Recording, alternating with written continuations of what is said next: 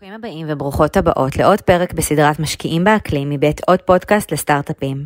היום הייתה לנו את הזכות לארח לא אחר מאשר מנכ"ל רשות החדשנות דרור בין.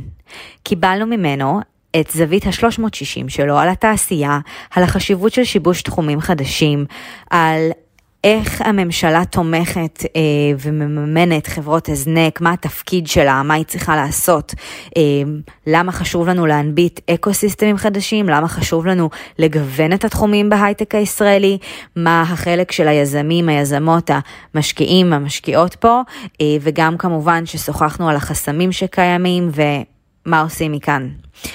אז לפני שנתחיל, תודה ענקית לעוד פודקאסט על הבית החם, למיקסטיילס על הסטודיו, למגזין פורבס על השותפות. אני, שני זנסקו, ואיתי אוריאל קלר, ובסדרה הזו אנחנו מדברים על כל מה שקשור בעולם הצומח של טכנולוגיות אקלים, עם משקיעים, סטארט-אפים, תאגידים, פונקציות ממשלה ועוד, על מנת להתמקד בפתרונות עבור אתגרי משבר האקלים השונים וההזדמנויות העסקיות הקיימות לצד ההשפעה החיובית האדירה על העולם.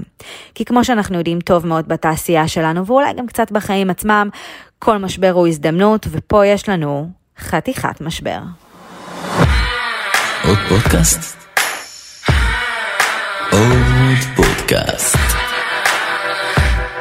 עוד פודקאסט לסטארט-אפים.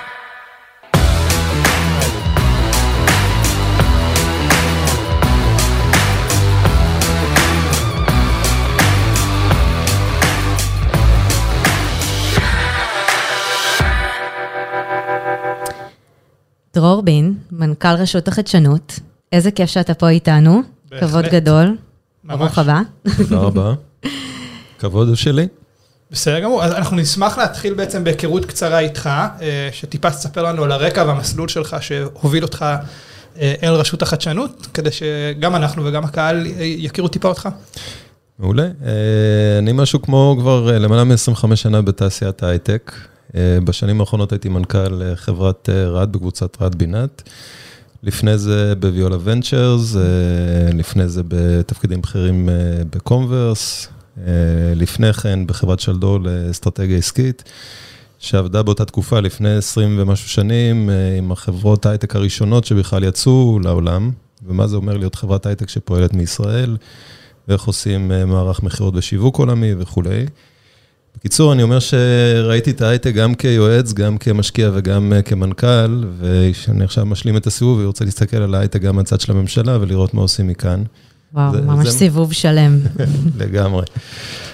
תספר לנו אחרי זה, איזה צד הכי כיף בתוך כל הפאזל המדהים הזה, זה נשמע מרתק. זה אני יודע עוד uh, פרק זמן. מעולה. אה, ואולי עבור אלו שלא כל כך מכירים, למרות שקשה לי להאמין, אבל אנחנו ככה פונים פה לכולם.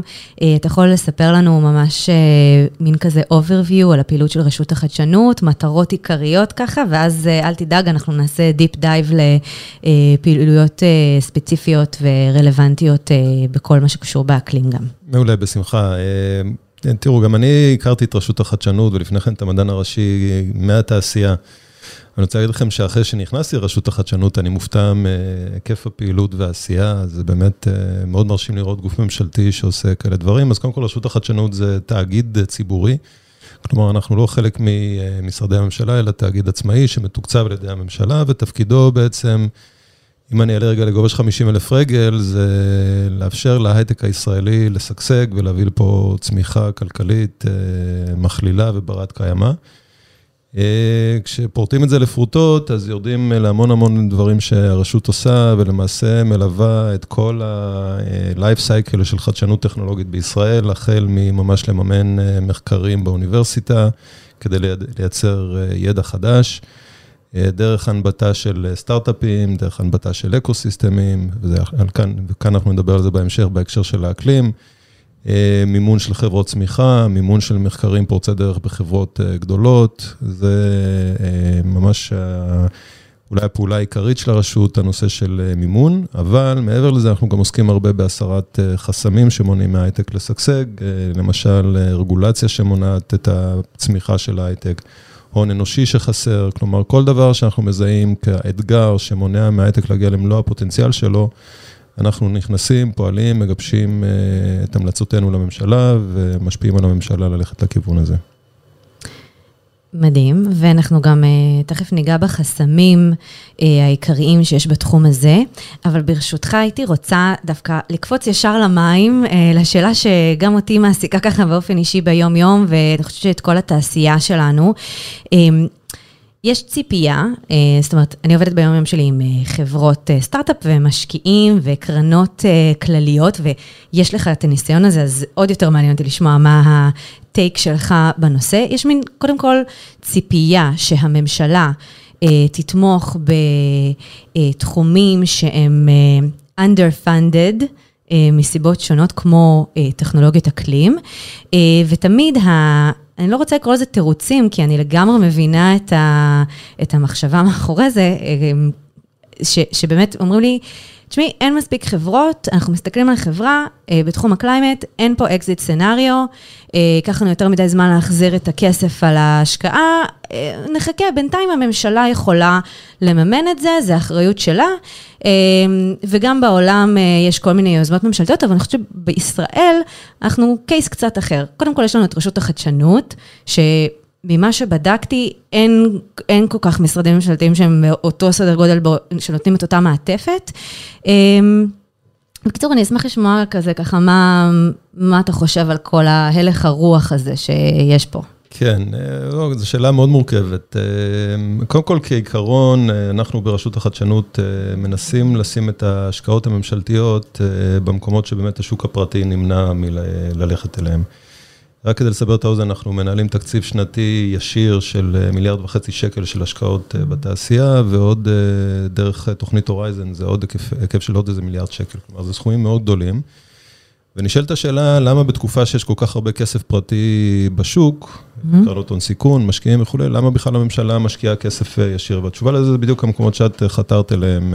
כלומר, כאשר אנחנו מזהים אה, גלים חדשים של טכנולוגיה, שבהם הסיכון הוא גבוה מדי לסקטור הפרטי, או שה-time to market הוא ארוך מדי, זה המקומות שהממשלה באמצעותנו נכנסת ועושה את ההשקעות.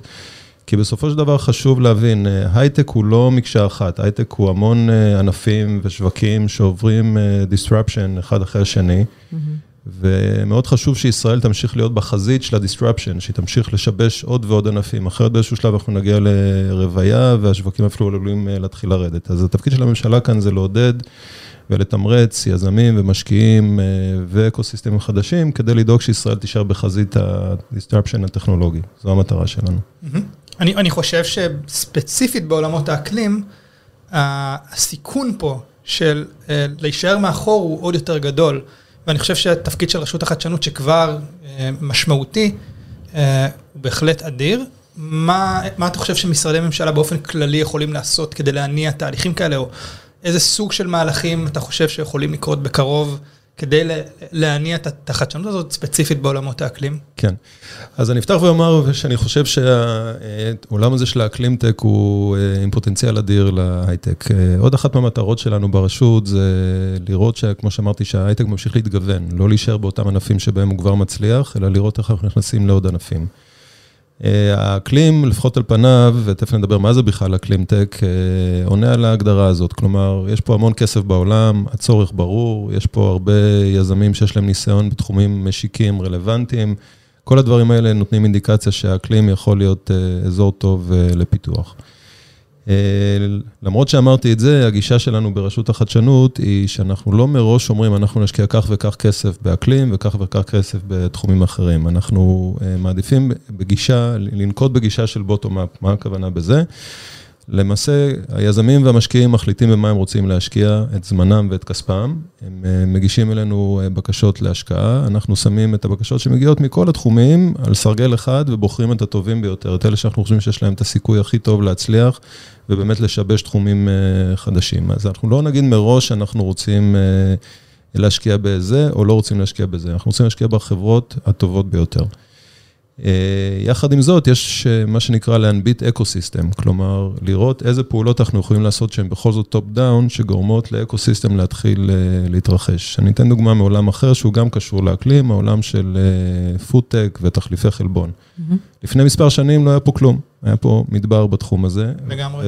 אז התחלנו באמת לעשות אה, פעולות של אה, למשל הקמת חממות, או יצירת אה, קהילות, או כל מיני דברים אחרים, שלאט לאט יצרו קהילה שלמה, אקו סיסטם שלם של פודטק, והיום ישראל מובילה בתחום של חלבונים אלטרנטיביים, שהוא גם תחום מצוין מבחינה כלכלית בפני עצמו, והוא גם תורם רבות לנושא של המלחמה במשבר האקלים. בהחלט. אלה, כאן אנחנו מתערבים ב top down, בפעולות שאנחנו יכולים לעשות כממשלה, שנותנות איתותים ותמריצים ויוצרות את החיבורים בין יזמים, משקיעים, רעיונות, צרכים וכולי, כדי שאקו-סיסטם אה, יתחיל להתפתח. אבל כאן בעצם סביב נושא האקלים, שהוא נושא מורכב ורחב, אנחנו, אה, אני מניח שיש צורך בהתערבות של כמה משרדי ממשלה. אה, זאת אומרת, זה כמובן שרשות החדשנות מובילה את כל הנושא של המימון וההיכרות האינטימית עם הסטארט-אפים, אבל יש פה איזשהו נושא חוצה תחומים, חוצה משרדים, ולהניע תהליכים ולהניע מהלכים. יש צורך בכוח אה, משמעותי כדי לנוע קדימה. בהחלט, אתה צודק מאוד. ואנחנו רואים דברים חיוביים שקורים, כן, אני, כן. חשוב להגיד את זה. נכון. ברגולציה, בכל מיני אה, דברים שקורים across כל, כל משרדי הממשלה, במיוחד בעת האחרונה. כן, כן, אני חושב שיש אה, פעילות מאוד מבורכת בחודשים האחרונים בממשלה, גם בהיבט של פליטות גזי חממה בישראל, וגם בהיבט של פיתוח אקו-סיסטם של אקלימטק. אה, בימים אלה ממש אה, יש ועדה בין-משרדית שזאת המטרה שלה, פיתוח, אה, לראות איך מתמרצים אקו-סיסטם של אקלימטק בישראל. באמת פעילות שכוללת הרבה משרדים ומתגבשת בימים האלה, ואני מניח שבשבועות הקרובים אפילו תגיע להחלטת ממשלה. אה, והיא כוללת בין היתר גם פעולות שלנו, אבל לא רק, יש עוד אה, דברים אחרים, אה, למשל את כל הנושא של הרצה והטמעה בישראל, איך מעודדים את זה, זאת אומרת, יש פה עולם שלם של פעילות של המשרדים, ששוב, מטרתו שביחד, שכולנו נפעל כיחידה אחת, כל, כל גופי הממשלה, כדי באמת לאפשר לאקוסיסטם הזה להתפתח.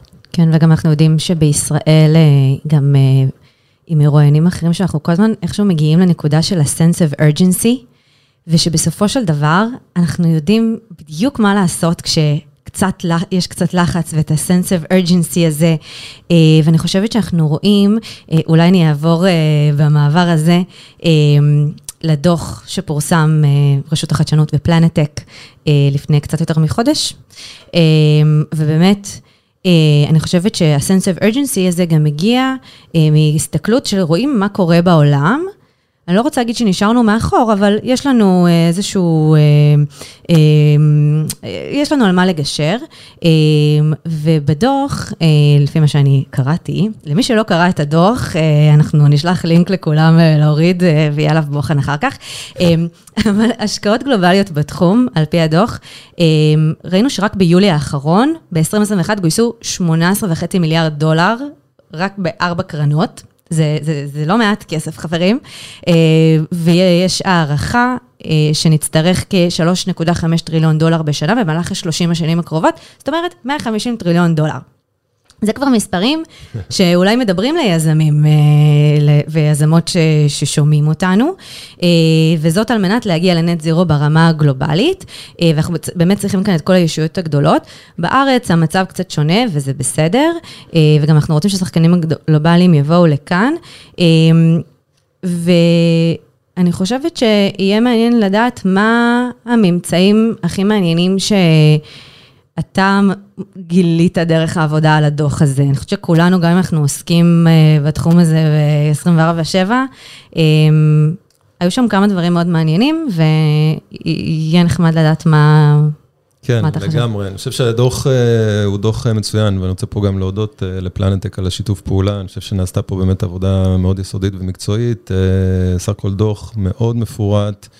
אה, אני מבין שאפילו זה אולי הדוח השני בעולם שפורסם על אקוסיסטם כזה. בהחלט, כן, כן. שזה מדהים. אה, שזה באמת מדהים בפני עצמו. אה, עכשיו, כשמדברים על אקלימטק, הדוח הזה מבחינתי היה מאיר עיניים, כי כשמדברים על אקלימטק, למעשה אקלים זה מטריה, זה לא באמת שוק. נכון. אה, וכשמתחילים לפרוס את זה, אז רואים שיש אה, הרבה דומיינים, הרבה קלאסטרים של תחבורה, של חקלאות, של מזון, של אנרגיה, ובכל אחד מהם יש אה, חברות וסטארט-אפים שיש להם השפעה חיובית על משבר האקלים. ויש חברות שלא קשורות, אני אתן דוגמה מעולם התחבורה, אז יש כל הנושא של חשמול רכבים כמובן משפיע על האקלים, אבל כל נושא של מכוניות אוטונומיות, שיש פה הרבה פעילות בישראל, הוא לא רלוונטי לאקלים. אז למעשה הדוח הזה סופר אה, וממפה את החברות שמשפיעות על האקלים, השפעה על האקלים זה או אה, התמודדות עם הפליטות חממה, גזי חממה, או התמודדות עם ההיערכות למשבר. אז כשמסתכלים על הדוח יש חדשות טובות וחדשות פחות אה, טובות. החדשות הטובות שיש פה כבר אקו-סיסטם די פעיל, כ-650 חברות שהן סטארט-אפים וחברות צומחות בכל אחד מהקלאסטרים האלה. אה, שזה כבר משהו מאוד מרשים, ואפילו יותר מזה, יש אה, תחומים שבהם אה, ישראל יש לה הובלה אבסולוטית. הזכרתי קודם את התחליפי חלבון, אז. זה ממש מדהים לראות שמדינה כל כך קטנה מובילה קלאסטר כזה בפני עצמה. אז זה בצד של החדשות הטובות. בצד של החדשות הפחות טובות, אנחנו רואים שהאקו-סיסטם הוא מה שאנחנו קוראים בשלבי התפתחות ראשונים. כלומר, חסרים פה משקיעים מתמחים, mm-hmm. חסרות פה חברות רב-לאומיות שמביאות איתן אה, ידע והגדרת אה, צרכים, אה, חסר פה יכולת לעשות scale-up, כלומר, אתרי הרצה ופיילוט. כלומר, יש פה דברים שעדיין חסרים, והוועדה הבין-משרדית שהזכרתי קודם, אחת המטרות זה לתת אה, מענה לדברים שחסרים, כדי שבאמת האקוסיסטם הזה יוכל אה, להמשיך אה, להתפתח ולפרוץ קדימה. בהחלט. אני, אני, חשוב לי להגיד בהקשר לזה, שהנכונות האותנטית של הרשות לבוא וללמוד את התחום ולהכיר מה קיים כאן, היא הייתה פשוט מדהימה בחוויה שלנו, ארי זיגמן הוביל את המהלך בצורה נהדרת. ובאמת הגמישות והיכולת לנוע קדימה במהירות, אה, לא כמו שהייתם מצפים מארגון ממשלתי, הייתה פשוט מדהימה, ובאמת למדנו ביחד על מה קיים כאן. פעם ראשונה, אמרנו דוח שני בעולם, הדוח הראשון לא מיפה אקוסיסטם ספציפי, אז פעם ראשונה שמדינה עושה דבר כזה, ובאמת זה היה מאיר עיניים, יש פה הזדמנויות, יש פה חסמים ובעיות, ואני חושב שכשרואים את זה, וש... ואנחנו רואים את זה עכשיו, עשינו את הסקר גם על 200 חברות, אנחנו יכולים להתחיל מזה לגזור אה, פעולות ומשימות קדימה. Mm-hmm. אני, רק, רק כדי אה, לדבר טיפה יותר על, ה, על הפעילות של הרשות, אנחנו יודעים ש-250 מיליון דולר הרשות השקיעה בחברות אה, סטארט-אפ וחברות בתמיכה בתחום האקלימטק בשלוש שנים האחרונות, אל מול סך התמיכה של הרשות באופן כללי, לא רק באקלימטק. מה היחס בין החברות של אקלים לסך החברות, והאם אתה חושב ש... התמיכה של הרשות בחברות אה, בתחום האקלים תלך ותגדל בשנים הקרובות כתוצאה מהטרנדים הגלובליים האלה שאנחנו רואים. אז 250 אה, מיליון דולר זה בערך 15 אה, אחוז מהכסף שהשקענו בשל... בשלוש שנים האחרונות בחברות mm-hmm. מהפרופיל הזה, שזה חלק מאוד גדול, זאת אומרת זה מפתיע. בדרך כלל, כשאנחנו מסתכלים על, או נגיד את זה אחרת, אנחנו רואים גם שההשקעות של הרשות הן בערך 10 אחוז מההשקעות הכלליות בתחום האקלימטק בארץ. עכשיו, זה הרבה יותר מאשר בתחומים אחרים. בתחומים אחרים, בדרך כלל, כשאנחנו משקיעים בחברות בסיכון הכי גבוה, זה בדרך כלל אחוזים בודדים מתוך אה, דומיין מסוים. וואו. ופה אנחנו רואים שזו השקעה של 10% מהדומיין, זה מאוד משמעותי, וזה עוד פעם, זה אחד הדברים שמאפיינים אה, אקו-סיסטם בתחילת הדרך. אה, כמו שאמרנו, הסיכון גבוה, time to market גבוה, time to exit גבוה, ולכן המשקיעים קצת נרתעים, וכאן התפקיד של הממשלה להתערב. אה, לגבי העתיד, אה, אני מקווה שההשקעה שלנו תגדל, אני לא יכול להגיד את זה בוודאות, כי עוד פעם, הגישה שתיארתי קודם של bottom-up, אנחנו בסוף בוחרים את החברות הטובות ביותר. כן. אנחנו מקווים שבאמצעות הפעילות שאנחנו עושים כדי לתמרץ את האקו-סיסטם, או יותר נכון שנעשה, אה, תגענה יותר חברות טובות בתחום הזה אלינו ונוכל להחליט לממן אותן, אבל זה לא, זה לא החלטה אפריורית, זה החלטה פוסט-פריורית. גם יכול להיות שיהיו חברות שיבנו את הזהות האקלימית שלהם בשנה, שנתיים הקרובות, וזה... אתה יודע, כן. זה, הם לא יהיו ה-usual suspects, אבל פתאום נכון. הם, הם יהיו חברה שהם מצבו את עצמם במקום הזה, וההשקעה הזאת אה, תהיה צבועה אקלימית. נכון, למרות שקודם נכון. היא לא הייתה צבועה ככה, שזה מעניין. יותר מזה, אני חושב שגם הפעילות שאנחנו, הממשלה תעשה, תאותת ליזמים ומשקיעים אה, לקחת את הניסיון שלהם והמיומנות שלהם מתחומים אחרים ולהביא אותם לתת מענה לצרכים של האקלים. אז אני מקווה שאנחנו נראה יותר ויותר אה, חברות קמות וחברות אה, טובות של יזמים חוזרים ושל משקיעים מנוסים, אה, ש... ונראה מפה דברים שהרבה יוניקורנים שיצאו בתחום הזה. Amen.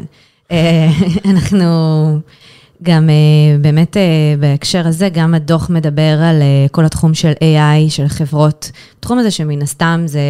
לא יודעת אם אפשר לקרוא לזה אקו-סיסטם, כי זה הרי... קבוצה טכנולוגית כזאת. כן. ש, ש, שמדובר שם על הפוטנציאל של החברות האלה לעשות איזשהו pivot, ואנחנו גם פוגשים הרבה חברות שהן לאו, לאו דווקא צריכים לעשות פיבוט, אלא באמת לדבר את השפה, לעשות איזשהו, איזושהי הצעת ערך שהיא אקלימית יותר. איך אתה חושב שחברות יכולות ככה להתחיל לעשות את זה, גם הניסיון שלך, של חברות שהן כזה נורא... אוריינטד בתחום הזה של AI, או אפילו פינטק וסייבר, מה אנחנו, או אם אני אדייק, מה אנחנו יכולים ללמוד? אנחנו כן. בעקומת למידה. כן, בדיוק. תראי, אני לא, אני לא ממליץ פה לאף אחד לעשות pivot. לא, לא, לא, לא, אנחנו לא ממליצים, לא, לא, לא. הפאונדרים, המשקיעים יחליטו אם רוצים לעשות pivot או לא, אבל בהחלט היכולות של AI, ובכלל יכולות שנמצאות בהייטק הישראלי, אם זה יכולות של אלקטרוניקה, ומיכולות של system, ויכולות, המון המון יכולות שיש בהייטק הישראלי, מאוד רלוונטיות לאתגרים של האקלים. אני חושב שבאמת אם היזמים וכולי ישכילו לקחת את היכולות האלה ולהביא אותם לצורך פתרונות אקלים, זה יהיה מעולה.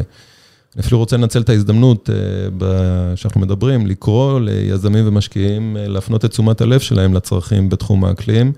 אני חושב שיש פה גם הזדמנות כלכלית נהדרת, ואני חושב שיש פה גם הזדמנות לעשות משהו for the greater good. יש פה צורך עולמי, יש פה צורך אנושי, ואפשר לעשות דבר שישפיע על העולם לטובה. אז זו התשובה שלי, אני חושב. אני, אני רוצה להרחיב את הנקודה ולהתחבר למה שאמרת על יזמים שכבר הצליחו בעבר. אם אני יזם או יזמת בתחום, ב, ב, ב, לא, לא בתחום, כבר עשיתי את האקזיט שלי, הצלחתי, או שיש לי איזשהו ניסיון, ואני בא ואני אומר איפה אני הולך להקים את הסטארט-אפ הבא שלי. היום יש מקומות שהרבה יותר קל לי אה, להידרדר אליהם בצורה ברורה ו- ולהסליל את עצמי לשם.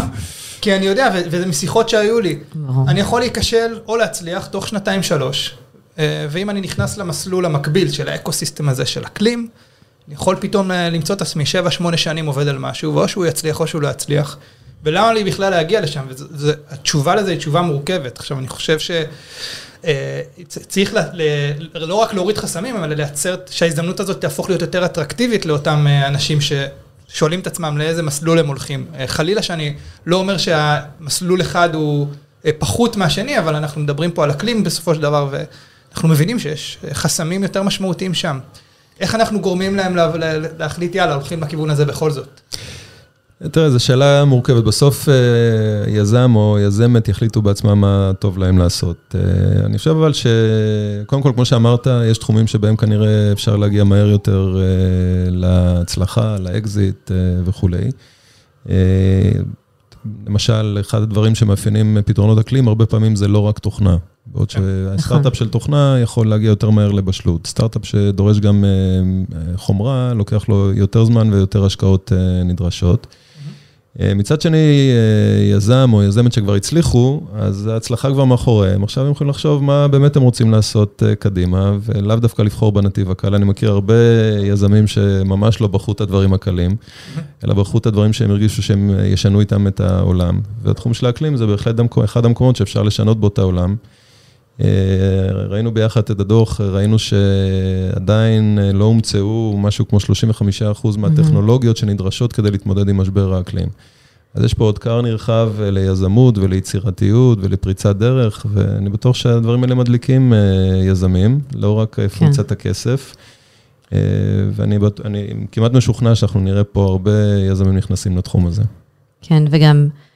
דיברת על הקר שיש פה, אז באמת גם בדוח וגם בפלנט, אנחנו הולכים לפי מפת האתגרים. יש אתגרים ספציפיים שאולי אותם יזמים ויזמות שאומרים, יאללה, אנחנו הולכים על זה. קדימה, כן. קדימה. הרי בסופו של דבר, גם מפת האתגרים, היא מכסה אתגרים, היא עברה עבודה מאוד מאוד סינון יסודי, אתגרים שהם גם סקיילבילים, שיש בהם גם מן הסתם פוטנציאל עסקי. כי יש כל כך הרבה אתגרים תחת, כמו שאמרת, המטריה הזאת של משבר האקלים. האם יש תחומים מסוימים שהם מהווים פוטנציאל גדול יותר, לדעתך, עבור אותם יזמים ויזמות? תראי, הדוח ממפה מקומות שכבר רואים איזשהו יתרון יחסי של ישראל, אם זה החלבונים האלטרנטיביים, החקלאות המדייקת, התחבורה החכמה, דברים מהסוג הזה. אנחנו רואים גם כל מיני תחומים שמתחילים להפציע, כמו בנייה ירוקה או אחרים. אה, אבל קשה מאוד להגיד איפה היתרון היחסי. אה, בסוף, בסוף מי שבאמת אה, יודע איפה היתרון היחסי זה לא הממשלה. מי שיודע איפה הוא מוכן לשים את הזמן שלו ואת הכסף שלו, הוא זה שמרגיש איפה היתרון יחסי, זה היזמים והמשקיעים. ומטרתנו זה לייצר להם את הסביבה העסקית שתאפשר להם לפעול וליזום ולהקים חברות. ואגב, אנחנו מדברים המון על סטארט-אפים, בעיניי לא פחות חשוב שגם חברות גדולות, שיש להן הרבה נכסים והרבה יכולות, אפילו חברות ביטחוניות. אה, זה הולך להיות סיכון, משבר אקלים זה סוג של סיכון ביטחוני, נכון? נכון. אז. הייתי רוצה לראות גם חברות גדולות נכנסות לתחום הזה של אה, טכנולוגיות אקלים. אנחנו רואים לאט לאט, אה, אז uh, העולם הוא, העולם הישראלי, ההייטק הישראלי הוא מאוד מגוון, יש בו הרבה מאוד סוגים של חברות ויזמים וכולי, והייתי רוצה שכמה שיותר מתוכם ייכנסו, שוב, שיעשו את השיקול הכלכלי שלהם, אבל שהייתי רוצה לראות שהם נכנסים לעולמות האלה של כן, אנחנו רואים את זה אה, גם אה, באמת מהזווית של התאגידים הגדולים יותר, שהם גם הופכים להיות אה, משקיעים בקרנות, שהם דורשים אה, גם לראות פתרונות טכנולוגיים, אז יש לנו את האלמנט הזה. וכמו שאמרת, זה באמת מורכב, אה, לא סתם אנחנו קוראים לזה אקו-סיסטם, ולא מצאנו מונח אחר לזה עדיין. אני אני כן אגיד שאני חושב אני שאחד... רוצה אולי להוסיף לזה משהו, גם חברות קיימות יצטרכו, תצטר, תצטרכנה להתמודד עם הנושא הזה, כי בסוף אה, העולם מתחיל להסתכל לא רק על ההצלחה הכלכלית שלך, אלא גם מה טביעת הרגל הפחמנית שלך, ומה המוצרים שלך אחרי זה עושים, וכמה אה, פליטה גז, פליטות גזי חממה אתה צריך כדי שאתה מייצר את המוצרים שלך, זאת אומרת, גם כל חברה למעשה, אה, אם זה חברת הייטק או אפילו לא חברת הייטק, תצטרך להתמודד עם השאלה האקלימית ולהתאים את המוצרים שלה לעולם שפועל תחת האילוצי משבר האקלים. אז האפקט פה הוא הרבה יותר רחב אפילו רק מאקו-סיסטם של טכנולוגיית אקלים. בהחלט. אני, אני חושב שבהקשר הזה, אחד הפערים שאנחנו זיהינו בדוח ובעבודה השוטפת שלנו, זה ידע סביב הנושא הזה. זאת אומרת, נכון. אנחנו טובים בהרבה מאוד דברים, אבל אנחנו, ב, בעולמות האלה, הידע שלנו הוא פחות מהמקבילים אצלנו, אלינו באירופה ובארצות הברית ובמדינות אחרות.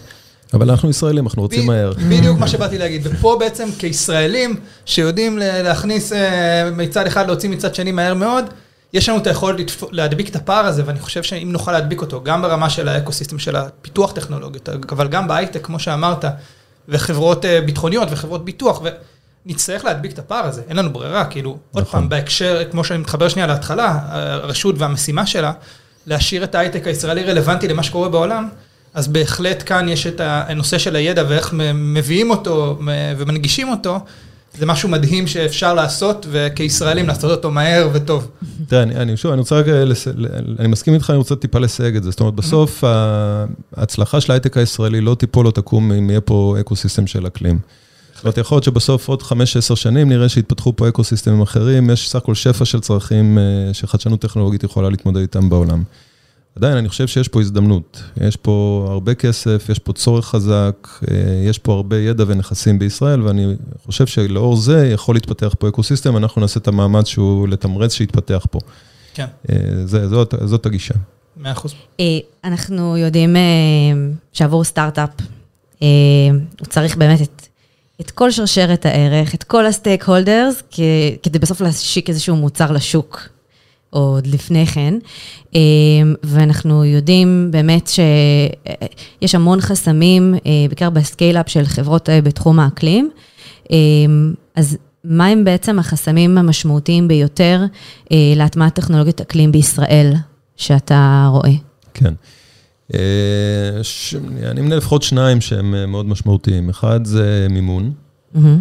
כמו שאמרתי, בסקר שעשינו ראינו שאחד האתגרים של חברות האקלים אה, בישראל זה שקשה להם אה, לקבל מימון בגלל הסיכון, בגלל הזמן שלוקח לדברים להבשיל. הדבר השני שחסר זה אתרי הטמעה בישראל ורגולציה שתומכת. מהמם. הרבה חדשנות טכנולוגית דורשת גם התאמה רגולטורית. בהגדרה, לרגולטור קשה להתמודד עם שינויים מהירים אה, שנגזרים משינויים טכנולוגיים. אה, ואחד האתגרים זה לראות איך מייצרים אה, אתרי הרצה והטמעה בישראל עם מעטפת רגולטורית אה, מתאימה. מה לעשות שבתחומים האלה של האקלים, רוב האתרים הרלוונטיים להטמעה זה אתרים של הממשלה או של גופי הממשלה השונים, חברות ממשלתיות וכולי, אז כאן אני חושב שיש אתגר לראות איך אנחנו, איך הממשלה תנגיש את האתרים האלה כדי לאפשר הרצה והטמעה בישראל ולתת להם גם את המעטפת הרגולטורית. שבתוכה הפיילוטים האלה יתבצעו, ואם הם אה, יצליחו, אז אחרי זה ת- תתבצע התאמה של הרגולציה הכוללת. מהמם. אחד הדברים שאני שומע הרבה, כן. זה שיפותחו טכנולוגיות אקלים בישראל ויצליחו, ואז יוטמעו במדינות אחרות, ואיך זה עוזר לנו פה בישראל, שאנחנו רוצים לצמצם את הפליטות גזי חממה שלנו. אז באמת היכולת להנביט פה טכנולוגיות שבאמת ייבחנו ויבצעו פיילוטים, ואחרי זה יהיה scale-up אה, משמעותי, גם בישראל, כן. גם בישראל. גם בישראל, כן, כי כי- בסוף אבל גם אנחנו כל הזמן חוזרים לנקודה שאנחנו בפליטות גזי חממה שלנו לעומת העולם, אנחנו מדינה קטנה, ואנחנו כן יכולים לייצא את הטכנולוגיות, אבל אנחנו יודעים, מ- מ- בחיי סטארט-אפ הוא צריך קודם כל להראות שהוא הצליח איפשהו, אז we נכון, might as נכון, well אה, לעשות את זה כאן. כן. יש פה ווין ווין, זאת אומרת, זה גם כן. אם, אם נצליח לייצר את הארגזי חול האלה, שבהם החברות יוכלו להתנסות ולהטמיע, אז גם הם, גם החברות תוכלנה לשפר את המוצרים שלהם, את הפתרונות ולצאת לעולם, לשוק התחרותי בעולם מוכנות יותר. ועל הדרך, גם אה, השוק הישראלי ירוויח, אה, אנחנו פה נפלוט פחות גזי חממה. וזה מתחבר כמובן ל- ליעד החדש ל- לאיפוס פליטות נכון, עד אה, 2050, שאנחנו רוצים להגיע אליו, זה חשוב לנו, על אף שהקרבון פוטפרינט שלנו נמוך, עדיין הוא קיים, וחלק מערכים שמדינה רוצה לקדם אה, כמדינה שלא רק חזקה בחדשנות, אלא מדינה גם שרוצה נכון. להיות סוסטיין. ולא פחות חשוב, התמודדות עם האתגרים שיציב אה, משבר האקלים. אנחנו מדינה שיושבת על סף המדבר. בהחלט. משבר האקלים יכול להשפיע עלינו בצורה משמעותית. אה, חלק מהטכנולוגיות שנדרשות זה לראות איך להתמודד עם ההשפעות שתהיינה, שכבר אי אפשר לעצור.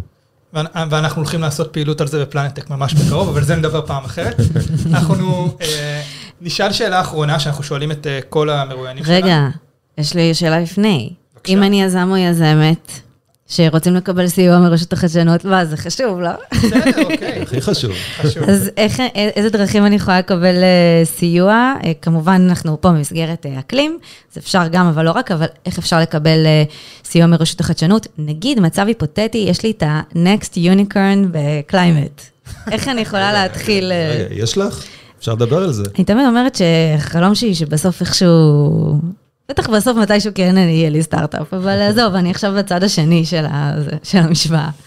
אה, מאה אחוז. אה, ספציפית רשות החדשנות יש, אם אני זוכר נכון, משהו כמו 40 מסלולים שונים שאנחנו עוזרים ליזמים ולמשקיעים ולחוקרים וכולי. אני מזמין אה, יזם או יזמת פשוט להיכנס לאתר שלנו, הוא מאוד נגיש, לראות את כל המסלולים, הכל מופיע שם, לראות אה, מה יכול לעזור לו. אה, אם הוא צריך יותר מזה, הוא יכול להתקשר למרכז השירות שלנו ולקבל ייעוץ, מה יכול לעזור לו בשלב שהוא נמצא. זה באמת מסלולים החל מיזם שיש לו רעיון והוא רוצה איזשהו סכום של כסף כדי לשבת בבית ולגבש אותו, ועד אה, מחקרים אה, במיליוני שקלים או פרויקטים במיליוני שקלים. כלומר, יש מגוון מאוד גדול, כן. והדרך הכי טובה זה פשוט ללמוד אה, מה יש. גם יש תוכנית לסיד, אז אם אנחנו נכון. מדברים על שלבים מאוד מוקדמים, שאני מניחה ששם זה יותר מאתגר עבור יזמים ויזמות, ואני יודעת שגם באמת רוצים להשקיע, obviously, בתחום הזה, אז זו הזדמנות מדהימה. ו- ו- ועכשיו, ועכשיו לשאלה המסכמת, אני רק אגיד שבאמת רשות החדשנות מנקזת אליה את כל כן. היזמים בתחילת הדרך, וכמובן לאורך הדרך, וזה מדהים לראות את ה impact שלה אה, על קולגות ועל אנשים שבאמת באים כן. ועם איזשהו רעיון בגראז' ומקשיבים להם, יש מרכז שירות, תראו מה כן, זה. זה חברות שממש בלי המענקים האלה, ואני רואה את זה הרבה, אני לא יודעת איפה היו, גם לא רק המענקי קורונה, זאת אומרת, באמת חברות לא, לא. שבהתחלה, אם לא הייתה את הרשות, אז אני, סליחה מכולם, אבל אני לא יודעת מה קורה איתם, באמת, כאילו, אז זה בהחלט מדהים ומרשים, ו- ומההיכרות האישית שלי עכשיו עם האנשים שם, אני יכול להבין איך זה קורה. אני יכול להבין מה הקסם של הדבר הזה, שמתחבר לישראליות, שמתחבר לסטארט-אפים. כן, לא הנגישות, הזה, כן. אז, אה, אז כן, אה, ממליצים בחום, אה, כל מי שבגראז', תכנסו לאתר של הרשות. אז לסיכום, שאלה שאנחנו שואלים את כל המרואיינים שלנו, ואותך כמובן מעניין במיוחד לשאול, מה לדעתך ההייטק הישראלי יכול לעשות כדי להוות גורם משמעותי במאבק במשבר האקלים ברמה הגלובלית? אה, מיפינו את כל התחומים שצריך לפעול בהם כדי לפתור את בעיית האקלים או לטפל בבעיית האקלים. אה, יש הרבה דברים שההייטק יכול לעשות בכל אחד מהתחומים האלה, אה, ואני בטוח שהיצירתיות והרוח היזמית של ההייטק הישראלי תביא פתרונות מדהימים אה, לנושא הזה. אה, ואגב, בסוף הפתרון לא יעבור רק מישראל, בואו גם נהיה טיפה צנועים. יש הרבה טכנולוגיות שיפותחו וכבר פותחו במקומות אחרים ואנחנו צריכים להטמיע פה. בארץ, וזה גם בסדר, אבל יש פה באמת הזדמנות גדולה גם אה, ליזמים ולמשקיעים וגם למדינת ישראל אה, לגוון את ההייטק, לפתח פה ענף שלם חדש של פתרונות וחברות וחברות גדולות וכולי, ואני בטוח שאנחנו נראה את זה קורה בשנים הקרובות. איזה כיף. לגמרי, אה, ו- וטוב שיש אה, גוף כמו רשות החדשנות בממשלת ישראל שדואג אה, להנביט אקו סיסטמים כאלה חדשים יש מאין, ולתמוך ב- ביוזמות שרק מתחילות מתחת לפני השטח, כמו ששני התחילה, אומרים שהממשלה תטפל בזה, אז אז הממשלה די מטפלת מטפלת בזה, בדיוק. כן, במקרה שלנו, וכן, במקרה הזה זה כיף להיות יזם או יזמת בישראל. אה, המון המון תודה. תודה לכם, נהניתי מאוד. עוד פודקאסט? עוד פודקאסט. עוד פודקאסט לסטארט-אפים.